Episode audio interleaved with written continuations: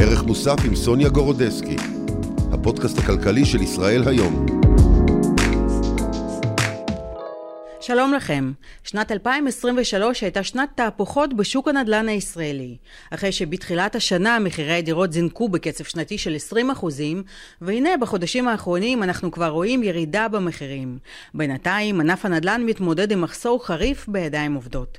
איך זה ישפיע על רמת המחירים בשוק הדיור בשנה הבאה, והאם משתלם לרכוש דירה במסגרת הגרלות דירה בהנחה. על כל אלה אנחנו נדבר עם האורח שלנו היום. ראול סרוגו, נשיא התאחדות הקבלנים בוני הארץ, שלום לך ותודה שבאת. שלום, איך כיף להיות כאן. איך אתה בימים אלה? תקופה קשה, תקופה קשה ומאתגרת. אה, כל יום מתחיל עם אה, מועקה בעקבות הותר לפרסום וחיילים שלנו שנהרגים בעזה ובצפון. אה, כן. לא, תקופה מאוד לא פשוטה. גם הענף אה, תכף אני מניח נדבר על זה, הוא נמצא באחד מרגעיו הקשים ביותר מאז תולדות המדינה, אולי רגע אז, קשה אז ביותר. אז בוא נדבר על זה. אתה גם אה, בעצמך קבלן, נכון? אתה עומד בראש חברה קבלנית. נכון, נכון. נכון. אני חש מה שכולם חשים, אה, גם את בעיות העובדים, גם את הבעיות הריבית וגם את כל הבעיות האחרות. שבוא תספר לנו מה בעצם... מה אתם רואים כרגע? אין עובדים, יש מחסור בעובדים. יש לך אולי מספרים לתת לנו? כן, בהחלט. אנחנו קודם כל נכנסנו לאירוע הזה של השביעי לעשירי כבר במצב לא טוב של הענף. בעקבות עליית הריבית, אז גם אה, אה, התחלות הבנייה צנחו בצורה דרמטית בעקבות הצניחה בביקושים לדירות. אז כבר אה, ככה נכנסנו לא יציבים כל כך על, אה, על הקרקע. Mm-hmm. אה, האירוע הזה גרם למחסור של אה, למעלה מ-100 אלף עובדים. שזה לא רק העובדים הפלסטינאים בעלי רישיון, היו גם שב"חים שהממשלה העלימה עין והם עבדו בענף הבנייה ובענפים אחרים גם. אז בעצם אנחנו בחוסר של למעלה מ... לדעתי 110 אלף עובדים. המשמעות של זה זה שיתוק מוחלט של הענף, קיפאון. אה, למעלה מ-50% מאתרי הבנייה בישראל סגורים, mm-hmm.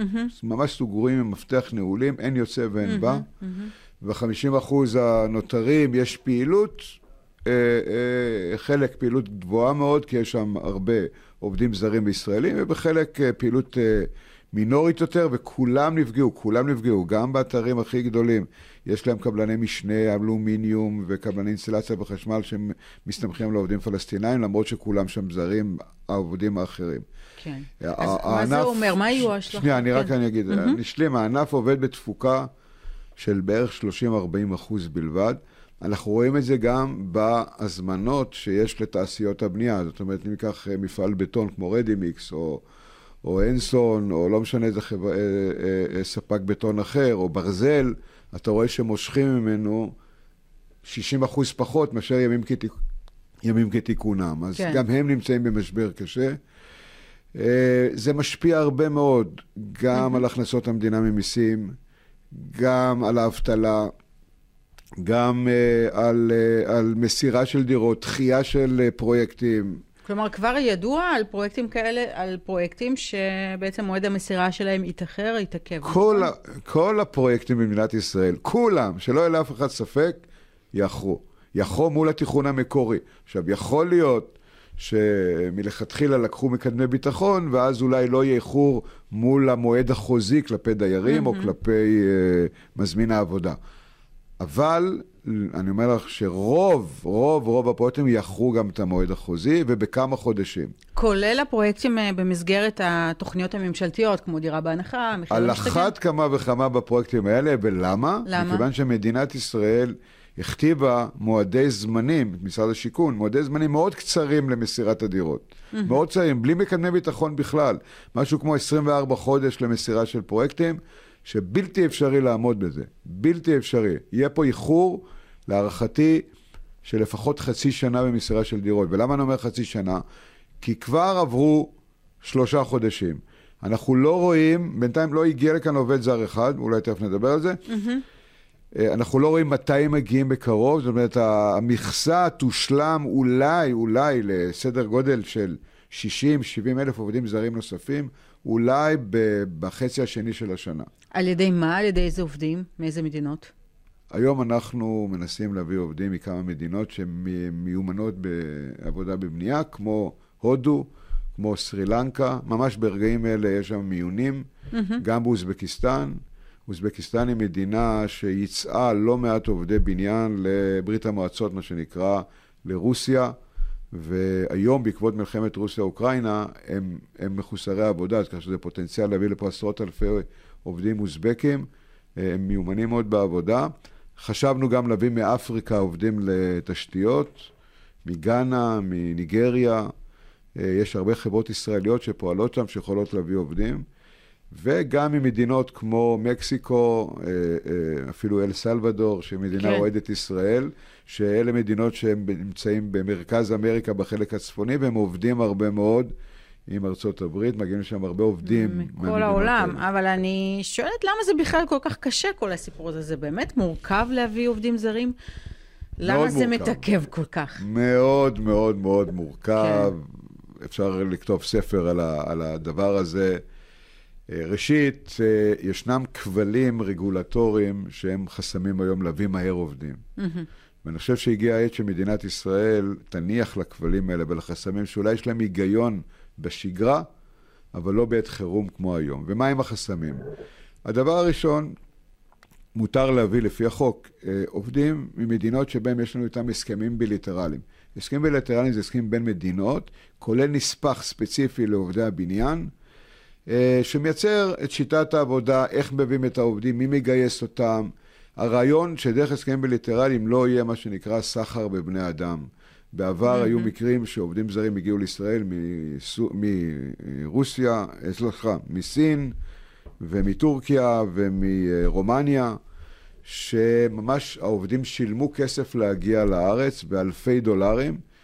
כי הם ידעו שהמשכורות פה טובות מאוד, המשכורות פה הן פי 20 מאשר כן, ב- כן. במדינה של, של מדינת המוצא שלהם.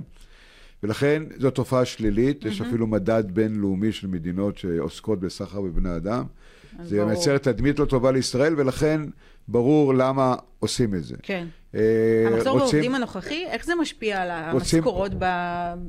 אה, בקרב העובדים הקיימים, אלה שבכל זאת יש אה, כרגע מועסקים בענף הבנייה? ככל שנביא, לגבי המשכורות של עובדים זרים, היום העובדים הסינים, שהם הרוב, מרוויחים קרוב ל-20,000 שקל לחודש, אולי אפילו יותר. וואו, אולי כדאי לי לעשות הסבה. נכון, נכון. נטו ברוטו הוא 20,000 שקל? עובד ישראלי שיבוא לעבוד בענף הבנייה, אם הוא מיומן, משכורת המינימום שלו היא 15-16 אלף שקל. מכאן הוא יכול רק להגיע, הוא יכול להגיע גם ל-30 אלף שקל כן. בתור עובד, mm-hmm. אם יש לו תפוקה טובה. והישראלים לא רוצים אה, לעבוד בעבודות האלה? עדיין ישראלים לא רוצים לבוא, כי התדמית של עובד הבניין... ואם נעשה את זה עבודה מועדפת, אה, ואז החיילים... יהיו אה, עבודה מועדפת, החיילים מקבלים הטבות במס הכנסה, אנחנו פותחים קורסים והכשרות. הצעתם את זה, וזה בעצם... עשינו קול קורא עכשיו, יחד עם משרד השיכון, זה פורסם ברשתות לבוא, נרשמו אלף אה, ישראלים שמוכנים לבוא, שזה יפה, אבל זה טיפה בים לעומת המאה אלף שאנחנו... שאתם צריכים. זקוקים. אבל בואו רגע נחזור לעובדים הזרים. כן. החסמים הנוספים זה שאנחנו רוצים לוודא, מדינת ישראל רוצה לוודא שמגיעים עובדים מיומנים, ולכן mm-hmm. עושים להם... מיונים, עושים להם בדיקות, טסטים, ואנחנו, התאחדות הקבלנים, המהנדסים ומנהלי העבודה שלנו, אנחנו זרוע ביצוע עבר הממשלה לבחינה של המיונים, וממש ברגעים אלה יש מיונים בהודו, בדלהי. אגב, קיבלתי הרבה טלפונים, מה קרה עם הפצצה אתמול, שהייתה, היה שם איזשהו אה, אה, פיצוץ אה, ליד השגרירות ה... ישראלית בהודו, mm-hmm. זה קוריוז, כן? אה, אנשים שלי שם אומרים לי, ראו, לאן שלחת אותנו? נבהלו. ונבהלו, כן, כן. אבל, אבל הם עושים את המיונים, המיונים מתקדמים יפה. אגב, ההודים מאוד רוצים לבוא.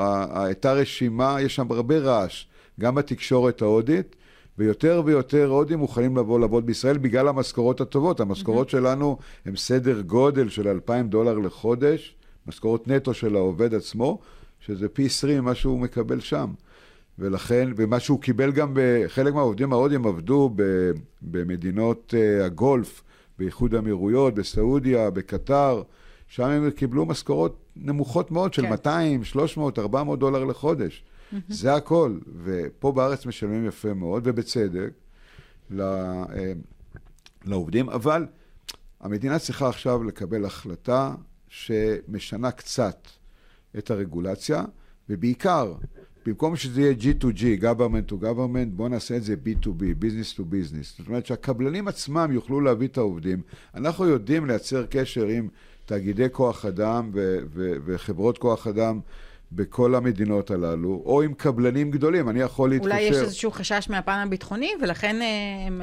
לא, לא, לא. המדינה פחות סומכת אה, לא, לא, על הקבלנים עצמם. אין לזה קשר לפן הביטחוני. המדינה, לפני שהם מביאים את העובדים, הם עושים איזושהי בדיקה על התעודת זהות, מספר דרכון, הם עושים בדיקה בכל מקרה. כן. אה, אבל הגיוס של העובדים בחו"ל לא יהיה דרך הממשלה המקומית, אלא דרך חברות ותאגידים מקומיים.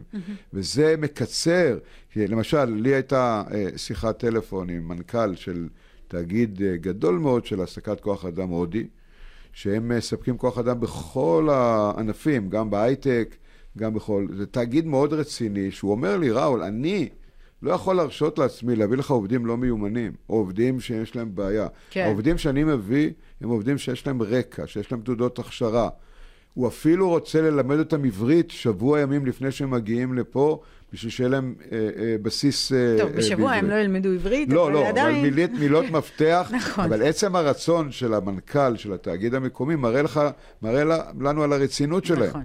ולכן אוקיי. אפשר להביא לכאן עובדים הרבה יותר מהר, אם זאת בעצם נניח לכבלים. הבקשה, הדרישה שלכם אה, נכון, לממשלה. היום אנחנו מנסים לגלגל את זה מול הממשלה. once שהם יגיעו לפה ויתחילו לעבוד על פיגומים, נתחיל לעשות סדר, ונראה איך מעבירים אותם לתאגידים, איך אה, אה, אה, בודקים ש, אה, אה, לא, לא, שאין סחר בבני אדם. בשנייה הראשונה שיש קבוצה שמגיעה ומשלמת על עצם ההגעה שלה, אם עולים על זה וקל מאוד לעלות על זה בבדיקות מדגמיות, צריך לשלוח אותם חזרה. אין דבר כזה, אנחנו עובדים בצורה הכי נקייה שבעולם. ברור שהחברה שמגייסת את העובדים צריכה לקבל מאיתנו, מהתאגידים שלנו, את השכר שלה בגין גיוס העובדים, ואת זה אנחנו עושים, ולא לגבות את זה מהעובד עצמו. אוקיי, בואי נדבר אה, על נושא טיפה שונה, שהוא מעניין אבל לישראלים רבים, אה, הגרלות של אה, דירה בהנחה. אה, של משרד השיכון והבינוי, אתה אומר שזה באמת משתלם, וגם מה צריך לקחת אה, בחשבון כשנרשמים. בדיוק אה, נפתחה הגרלה נוספת, אתמול הודיעו עליה. אה, כן, הבעיה, הבעיה, תראה, אין ספק שזה משתלם, בוא נתחיל מזה. גם עכשיו המחירים טיפה ירדו, וגם יש את ההנחה של אה, אין ספק שזה 200-300 משתלם. מי שקל. שזוכה בדירה, אה, במכרז של דירה בהנחה, או מחיר משתכן, או לא משנה איך תקרא לזה, מחיר מטרה, כן. אין ספק שאתה כזוג צעיר מרוויח הרבה כסף. אגב, יש לי גם ביקורת על זה, כי לא נעשית שום, לא נעשה שום מבחן של הכנסה, הכנסה, כן. לזוג הצעיר. נכון. אנחנו יודעים שלמשל... אתה צריך רק ב- שלא יהיה לך דירה בעצם. אה, נכון, ואנחנו ראינו אה, אה, לא מעט אה, אה, אה, כאלה שזכו והשכר החודשי שלהם, של הזוג הוא 40-50 אלף שקל כן. לחודש. זה, זה, הם לא, לדעתי, לא זקוקים להטבה. הרי מה זה דירה בהנחה? אה, זה בעצם, רגע, סוג, זה כן. בעצם סוג של דיור בר השגה. ודיור בר השגה צריך לתת לאלה שבאמת זקוקים לו. עכשיו, המדינה כמדינה באה ואומרת, לא מעניין אותי כרגע מי זקוק או מי לא זקוק, אני לזוג צעיר באשר הוא צעיר, אני רוצה לתת לו אה, דירה, וזה יפה. אז אין ספק שמבחינה כלכלית לזוג זה מאוד כלכלי. הם חוסכים פה מאות אלפי שקלים. אבל, אני מניחה שיש פה אבל, כי אנחנו דיברנו כאן על לא התארכות, אבל, כן. יחד עם זאת, צריך לקחת בחשבון שלוקחים כאן סיכון. ומה הסיכון? הסיכון הוא שהפרויקט וההגרלה תתממש בעתיד בזמן שהוא לא ידוע. Mm. זאת אומרת, עושים כרגע הגרלה, ואחרי זה קושרים את זה עם המכרזים שיצאו עם הקבלנים. אז יש למשל, סתם אני אתן לך דוגמה, מכרז בזיכרון יעקב, כן, שזכו בו חברות. דוגמה אמיתית. דוגמה אמיתית. אוקיי. אה, וראש העיר הודיע עוד לפני המכרז, הוא שלח מכתב, רבותיי, אני לא אתן פה היתרים. לא אתן היתרים, יש מחלוקת לעיריית זיכרון יעקב עם רמ"י, עם uh, מינהל התכנון, אין להם מספיק תשתיות, הם לא מוכנים להוציא היתרי בנייה בלי התשתיות האלה. ובגלל הוויכוח הזה, הפרויקטים הללו לא יוצאים uh, לפועל. Uh, הקבלן שזכה במכרז לא יכול להוציא היתרי בנייה, ולא יכול uh, לבצע את רישום ההגרלה uh, uh, של הדיירים שזכו בהגרלה uh, בפרויקט הזה. ולכן זה תקוע, זה וזה תקוע לכמה שנים. שנים. עכשיו, כן. אותו זוג שהוגרל וחשב שהנה עוד שנתיים, עוד שלוש שנים הוא יקבל דירה, והנה הוא יחתום על חוזה ויתחיל לשלם, כל זה מתעכב ונדחה. עכשיו, הדחיות האלה, אם הוא יקבל את הדירה רק בעוד חמש שנים או שמונה שנים, בעצם מייצר לו הוצאות אחרות, הוצאות כן. שכר דירה, והוצאות אחרות שהוא לא תחשב אותן, ולא בטוח שהוא ירצה להמשיך בהגרלה, אולי הוא ינטוש אותה ויגיד, עדיף לי כבר לקנות דירה במחיר השוק, שגם ככה אה, אולי דירה, דירות כן, ירדו. בהחלט זה משהו שצריך אה, לקחת בחשבון, אני חושבת. אה, אני רוצה גם לשאול אבל, אותך... אבל, על- אבל אני חושב, ורק בשביל שיהיה ברור, אני בעד הפרויקטים האלה, אני חושב שזה טוב לזוגות הצעירים, כדאי להשתתף בהגרלות, ואחר כך לקבל החלטות אם מוותרים או לא מוותרים.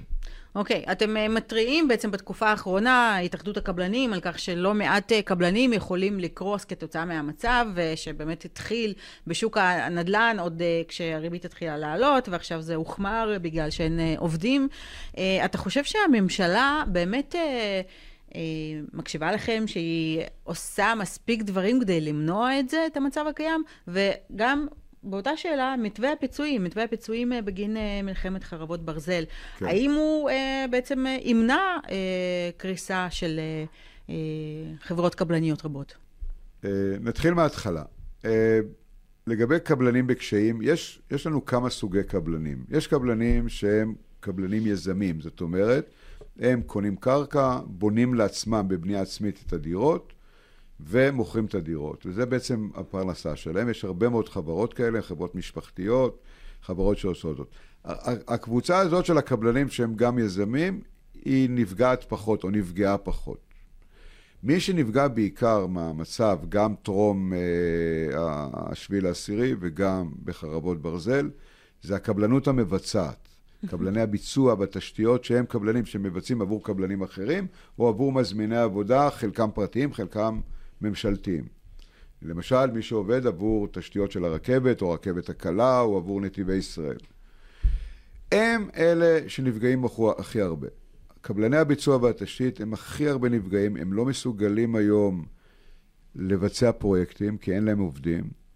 מתח הרווחים שלהם הוא נמוך מאוד, ומצד שני ההוצאות שלהם הקבועות הן הוצאות גבוהות, ולכן ברגע שהם לא יכולים לעבוד, וההוצאות הקבועות, והם עדיין לא קיבלו כסף מפרויקטים קודמים, כי יש ויכוח על החריגים, וזה מביא אותם למצב של חדלות פירעון ושל בעיה תזרימית מאוד מאוד קשה. והקבלנים האלה הם במצב הכי קשה, ואנחנו רואים חברות תשתית שקורסות, פשוט uh, מבקשות uh, הפסקת הליכים, כבר עיכוב יש הליכים. כאלה שקורסות, נכון? נכון, יש כאלה שאו שמפסיקות מרצונן את העבודה, אומרות למזמין העבודה, אני לא מסוגל להשלים את העבודה, אני פורש, זהו, אני לא יכול, או כאלה שמגיעות לבית משפט לצו הקפאת הליכים, לכינוס נכסים אה, אה, וכן הלאה. אבל איך, הם לא קיבלו פיצויים מהמדינה? בעצם יש את המתווה. קודם כל, רק עכשיו מתחילים לקבל פיצויים. דבר אוקיי. שני, אה, הקבלנים, ראשית המדינה רצתה בהתחלה להחריג אותם מהפיצויים, ורק במלחמה שלנו, של ההתאחדות, הצלחנו להחזיר אותם לתוך המתווה. הם, הם מקבלים פיצויים, אבל יש כאן בעיה עם ההגדרה של הזמנים. הרי הפיצויים האלה ניתנים לפי ירידה במחזורים בחודשים ספציפיים, אוקטובר-נובמבר. לקבלנים מוגדר שהבחינה תהיה ל, אה, ח- לחודשים נובמבר ודצמבר. אה, אה, אבל בנובמבר עדיין היו להם הרבה הכנסות, כי הם קיבלו כסף מעבודות שהם עשו ביוני, ביולי, באוגוסט, בספטמבר. Mm-hmm. זאת אומרת, רק במחזורים מינואר, פברואר, יתחילו לראות הירידה שבגינה שהם צריכים לקבל את הפיצויים.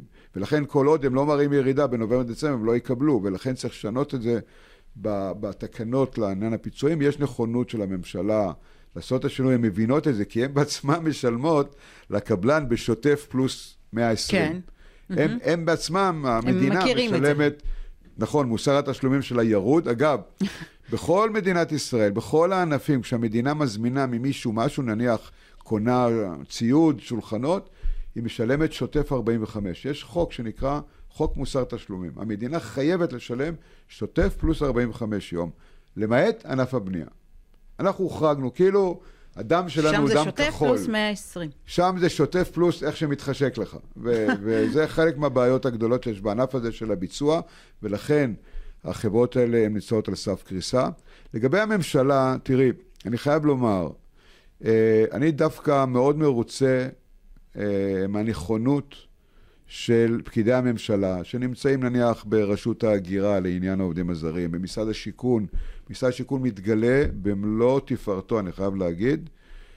עכשיו, בחרבות ברזל, המנכ"ל אין איש שבוע שהוא לא מדבר איתי ומנסה לפתור בעיות.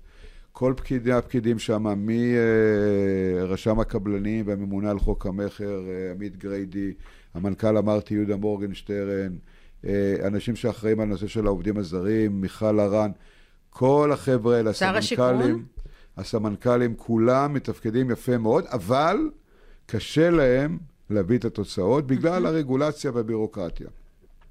שר השיכון, תראי, אני, אני אגדיר ככה. שר השיכון נכנס לכאן בצורה, ל, ל, בחודש הראשון, בצורה קצת ביזארית. מה הכוונה? הוא השתתף בכנס והוא אמר, אני לא רואה בעיות אה, נכון. בנדל"ן, אני רואה הרבה מנופים. יש משבר בשוק הנדל"ן? אה, כן, אני לא, לא מכיר משבר, את זה, כן. אני לא מכיר, הוא מהר מאוד הבין שהוא טעה ושגה, הוא רצה כן. סך הכל לשדר אופטימיות, כן? השר הוא איש מאוד, אה, צריך להכיר אותו מקרוב, הוא איש מאוד חיובי. הוא חושב בצורה חיובית ומנסה לשדר אופטימיות כל הזמן ומנסה באמת לעזור. אה, הוא נכנס לענף שהוא לא הכיר אותו לפני כן. זאת שאלה בפני עצמה שקשורה לשיטת הממשל שלנו. הרי שרים נקבעים, אין להם שום קשר לענף, אין להם שום רקע, נכון. ולוקח להם זמן ללמוד, והשאלה איך הם מתפקדים. אה, יש לו הרבה כוונות טובות, אבל השאלה האם שר התיירות למשל לא יהיה מלונאי לשעבר, או מישהו שמבין במלונאות, או מבין בתיירות, או שר השיכון יהיה אדם שבא מרקע של ענף הבנייה. נכון. זה גם או שאלה. שר האוצר, שיכיר את המגזר כן, וזה- העסקי, או שר האוצר שהוא כלכלן, חשבונית. בדיוק, שהוא נכון. כלכלן, שהוא איש אה, שמכיר את הכלכלה. ושר וכאן, החינוך, וכאן כן. זה קשור נכון. לשיטת הממשל שלנו, שבנויה על קואליציה ועל שיטת ה... אה, אני הייתי מאוד רוצה להיות מצב שבה יהיה אולי בעתיד, אולי חלק מהמסקנות של האירוע הזה הטראומטי שעברנו, שצריך לשנות את השיטה, ולא שנעשה בחירות ובחירות ושיהיה קבוצות לחץ אה, מימין ומשמאל, קיצונים ולא קיצונים. שיהיה אדם שירוץ לנשיאות או לראשות ממשלה, והוא יביא את האג'נדה והוא יביא את השרים, הוא יביא את הנבחרת שלו. כן. ואז הוא ימנה אנשים ראויים לכל תפקיד. אני חושב שזה הדבר הנכון. אני שוב, אני לא אומר שהשר גולדקנופ. לא ראוי, אני אומר שהוא חסר ניסיון, יש לו הרבה מאוד רצון טוב, ואני חושב שבסך הכל הכללי הוא שר טוב למדינת ישראל. אוקיי, יפה מאוד. אמ, טוב, אה, דיברת פה על ההשפעה של העצירה שאנחנו רואים כרגע בענף הנדל"ן. אה, איך אה, באמת זה משפיע על קופת המדינה, על הכנסות המדינה מהמיסים? זה משפיע בצורה דרמטית. דרמטית. אתמול אני נפגשתי עם אה, בצלאל סמוטריץ', עם אה, נתונים, הייתה לנו פגישה אישית מאוד טובה, הוא הופתע מהנתונים. הוא גם הופתע מההסבר שלי למה מחירי הדירות לא יורדים. הוא הופתע מהנתונים, בעצם הוא צריך להציג לכם את נכון, הנתונים, אבל לא? הוא הופתע, הוא הופתע אוקיי. מהנתונים, הוא הופתע אז- כי הוא לא מקבל? אותם כנראה, אנחנו כנראה עוזרים לו אה, לקבל את הנתונים. לפעמים האגף תקציבים באוצר, או החבר'ה, קצת מייפים את המציאות. אה, ראשית, 2023 תסתיים בסדר גודל של 33 מיליארד שקל הכנסות למדינה, פחות ממה שהיה צריך להיות ב-22 למשל. אבל זה לא קשור רק ל-22. לנדל"ן, ש... נכון, זה לא קשור, לא, לא, זה רק הנדל"ן, אה, רק הנדל"ן. אבל זה לא קשור רק למלחמה.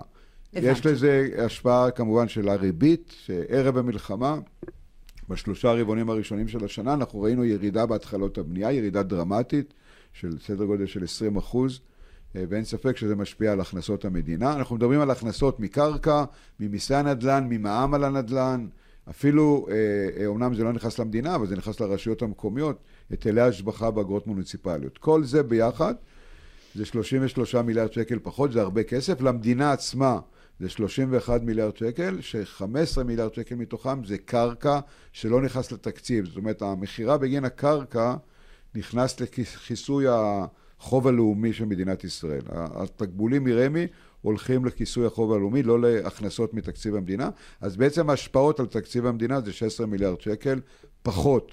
שהמלחמה לבד גרמה לעשרה מיליארד שקל פחות כתוצאה מזה.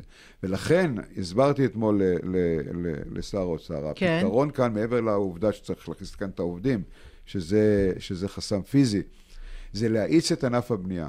צריך לייצר מצב שהענף אה, יואץ קדימה, אה, ולא דרך הטלת מיסים, אלא להפך, דרך הפחתת מיסים. צריך למשל להפחית את מס הרכישה לדירות להשקעה, למשקיעים, שיגרום למשקיעים לחזור חזרה לשוק, ואנחנו מדברים על בערך 1,300 משקיעים מדי חודש שיקנו דירות, אה, ואז כאשר המשקיעים חוזרים, הקבלנים יבנו יותר. עכשיו, תמיד נשאלת השאלה, רגע, המשקיעים יחזרו, המחירי הדירות יעלה? אז אני אומר שלא, כי כמות הדירות שתיכנס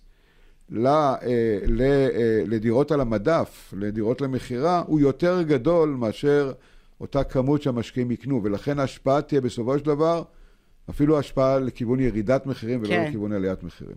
אבל uh, לא נראה לי שזה הכיוון כרגע של הממשלה, שאתה יודע, במשרד האוצר מדברים על איך אפשר, איפה אפשר להעלות את המיסים בשנה הבאה כדי להתמודד נכון, עם ההשלכות נכון, עליית של... מע"מ באחוז אחד זה אסון לכלכלה.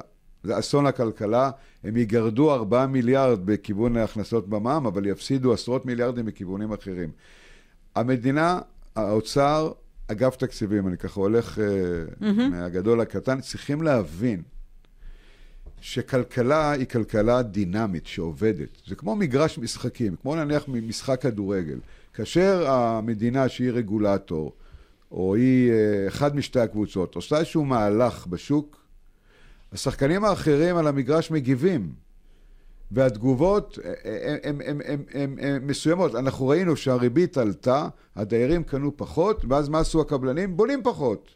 כן. אז זאת אומרת, אי אפשר להסתכל על הצד הראשון. העלאת מיסים תייצר מצב שאולי גידול מיידי עכשיו, בחודש, חודשיים הקרובים של הכנסות, אבל בטווח של שלושה חודשים קדימה, יהיה פחות אה, כן. uh, עסקאות, יהיה פחות פעילות בשוק, ואז הקצב ההכנסות ירד. Mm-hmm. ולכן, אני לא חושב שעליית מיסים זה הדבר הנכון, להפך. צריך להקל על הסקטור העסקי, שהיום נושא בנטל של המלחמה ושל עליית הריבית. המדינה לא נשאה בשום נטל, לא בזה ולא בזה עד עכשיו. Mm-hmm. ולכן צריך להקל על המגזר העסקי, כי המגזר העסקי ייצר תוצר, ייצר עסקאות שמכוחן יהיה גבייה יותר גדולה של מיסים, והדוגמה הקלאסית זה הנושא של מס הרכישה לדירות להשקעה, שמצד אחד מפחיתים, אבל המדינה, והראיתי את זה אה, לשר אתמול, המדינה תגבה מיליארד שקל יותר בשנה כתוצאה מזה. Mm, יפה. תגיד, זה הזמן הנכון לקנות דירה, לדעתך? שאלה מצוינת, ששואלים אותה, היא נכונה והיא מצוינת בכל נקודת זמן, לא משנה מתי. אני אגיד כך, ראשית, אה, אה, מחירי הדירות נמצאים בירידה. זו עובדה. זאת עובדה. גם בגלל הריבית, גם בגלל המלחמה, נמצאים בירידה. השאלה היא כמה עכשיו, זמן היא תימשך. עכשיו, הירידה כזאת כרגע היא מתונה, כי הקבלנים, הם מחסנים את עצמם, כמו שאמרתי קודם, הם מגיבים לשוק ולכן הם בונים פחות, וכשהם בונים פחות, יש להם פחות לחץ להוריד מחירים. Mm-hmm. אז אתם רואים, אני אמכור קודם כל את הדירות שיש לי, אחרי זה אני אתחיל בעניין חדש. ויש לכן, דירות, יש ו... 60 אלף דירות, נכון, דירות 60, שלא נמכרו. יש 62 אלף דירות שלא מח... לא נמכרו, אבל הן לא דירות גמורות. יש פה הטיה קצת של התפיסה. ה-62 אלף דירות זה דירות בתהליך של בנייה. חלקם בשלב היסודות וחלקם בשלבי גמר. וזה מתוך 174 אלף דירות שקיימות. זאת אומרת, שליש מהדירות שנמצאות בבנייה לא מכורות. זה לא מספר כזה גבוה. ולכן הקבלנים, בטח כשהם מלווים בליווי בנקאי, שהבנק מבטיח להם את כל האשראי עד סיום הבנייה, הם לא בלחץ למכור את הדירות. הם גם לא רוצים, את יודעת, אחת הסיבות העיקריות שקבלן לא מוריד מחירים, זה בשביל לשמור על מצב הרוח ועל השביעות רצון של אלה שכבר קנו קודם. כי אם אדם כן. קנה דירה בשלושה מיליון שקל, ועכשיו אני מוכר את אותה דירה בשני מיליון שמונה מאות, אותו אחד מרגיש שהוא פראייר. מרגיש שדפקו אותו. מרגיש שהוא אה, אה, אה, נפגע כן. בחוויית הקנייה שלו. אז בואו בכל זאת נחזור לשאלה ולכן, שלנו. ולכן הקבלנים לא ממהרים להוריד את המחירים בשביל לא לקלקל את המערכת היחסים שלהם עם הדיירים הקיימים. לעצם השאלה, אני אומר את הדבר הבא, מחירי הדירות ימשיכו לרדת בתקופה הקרובה בקצב איטי. בקצב איטי. אבל, אבל, סיום המלחמה יהיה Game Changer. סיום המלחמה יהיה, כמו בהרבה מאוד מקרים בעבר, לצערי הרב, הוא יוביל לעלייה דרמטית של מחירי הדירות. ולכן אני אומר, מי שצריך דירה, שיקנה את הדירה עכשיו. שיקנה את הדירה עכשיו. ומי שלא חייב דירה, או רוצה לקנות דירה להשקעה, יכול להמתין לראות מה יקרה אה, אה, אה, בשוק, ובהתאם לזה לקלקל את אה, צעדיו. אבל מי שזוג צעיר שהתחתן, או משפחה שחייבת להגדיל מארבעה חדרים לחמישה חדרים, זה הזמן עכשיו לקנות דירה. וכי היום אפשר למצוא מציאות קצת יותר טובות. אזורים זה... מסוימים שאתה ממליץ ככה, ששם אה, אולי כדאי במיוחד? אני, אני חושב שאזורי המרכז הם יקרים מדי היום. Mm-hmm. הם יקרים מדי היום, אה, אבל עדיין הם אטרקטיביים ביותר. אה, אזור תל אביב, רמת גן, גבעתיים, אה, הם האזורים האטרקטיביים. אטרקטיביים, אבל לא במחיר. אני צופה שבהיבט, שבהיבט של עליית מחירי הדירות בעתיד, mm-hmm. באזור המרכז יעלו פחות המחירים, ובאזורים פריפריאליים יותר יעלו יותר המחירים. זאת אומרת, היום למשל לקנות דירה בקריית גת, או בבאר שבע, או בצפון. בעפולה או בכרמיאל.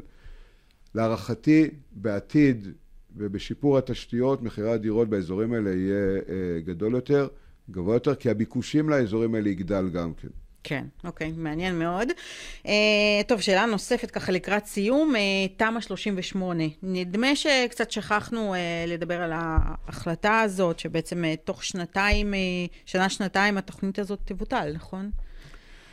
כן, אה, אה, בוא נאמר כך, יש לא מעט רשויות מקומיות שעשו את ה, מה שנקרא, את התוכנית אה, מכוח סעיף 20 ל-23 לתמ"א, וזה בעצם מאריך את הזמן בעוד כמה שנים. התמ"א אמורה להסתיים, ב, אם אני לא טועה, באוגוסט 24, אבל היא בינתיים חיה, וטוב שכך. כי uh, אנחנו רואים שצריכים ממ"דים. אנחנו, אנחנו רואים שהמלחמה כן, הזאת הוכיחה uh, שחייבים לקדם את זה. אני אתמול ראיתי את uh, ראש עיריית uh, אשקלון, ו- ואין ספק, אשקלון, uh, למעלה מ-60 או 70 אחוז מהבניינים שם הם ללא ממ"דים. וואו. וזו סכנה אדירה, סכנה אדירה. גם, ה, גם הערים בצפון, ערים כמו טבריה, או כמו קריית שמונה, מטולה, אין שם בכלל התחדשות עירונית. אז לכן הצורך קיים, אני חושב שהמדינה צריכה לחשוב טוב טוב טוב, להעריך את תמ"א 38, כי תמ"א 38 עובדת. Mm-hmm. הכללים ידועים, ברורים, והיא עובדת. המדינה צריכה גם לתת הטבות, הטבות מס והטבות כספיות למי שעושה פינוי-בינוי או תמ"א 38 בפריפריה. אמ, אה, ואין ספק שזה, שצריך את זה. יש לנו גם את חלופת שקד, שעדיין לא יודעים איך לאכול אותה. היא סך הכל היא חלופה די טובה, והיה כדאי גם אותה לקדם. בסך הכל הכללי אין ספק שנכון להיום, גם משיקולי רעידות אדמה וגם משיקולים של ממ"דים ומיגון נגד התקפות טילים, mm-hmm. יש צורך קיומי למדינת ישראל בפרויקטים מהסוג הזה. אוקיי. Okay. שאלה לסיום, שאלה אחרונה, קצת אישית, מה עם התחביב שלך, כדוריד? ספורט, אני אוהב בכלל כן. ספורט. קודם כל, אני, בזמן הפנוי שלי אני רוכב אופניים, ואני מציע לכל אחד לעשות את זה, זה ספורט נהדר. זה לצאת גם לשטח, לטבע, וגם ב... ב אני, אני לא עושה כבישים, יותר אה, שטח ו, ושבילי אופניים. אה, זה תענוג גדול מאוד, זה לעשות ספורט, זה למה שנקרא נפש בריאה בגוף בריא, וזה, הלוואי שהייתי יכול לרכב אופניים כל יום. אני אוהב ספורט, אני חושב כן. שספורט זה דבר שהוא מאוד מרגש, מקרב אנשים. אנחנו ראינו גם בכדורגל, גם בכדורסל, את אותם חטופים, הילדים שחזרו ואיך ריגשו את המדינה, ובאו, אתמול ראיתי את הילד הזה, אה, לא זוכר את שמו, בא למשחק של הפועל באר שבע, הקבוצה שאוהד אותה, ו- והיה אירוע מאוד מרגש. הספורט אה, מקרב את האנשים, מחבר את האנשים, והלוואי שנשוב נשוב לשגרה. ולמדינה רגועה, שהספורט זה הדבר המרגש והמיוחד כן. שאליו אנחנו נסתכל. טוב, סיימנו בנימה אופטימית. אה, ראול סרוגו, נשיא אה, התאחדות קבלני, אה, קבלנים בוני הארץ, כן. תודה רבה לך ששוחחת איתנו. תודה רבה, סוניה, ותענוג גדול להיות כאן ולעשות את הפודקאסט הזה. תודה.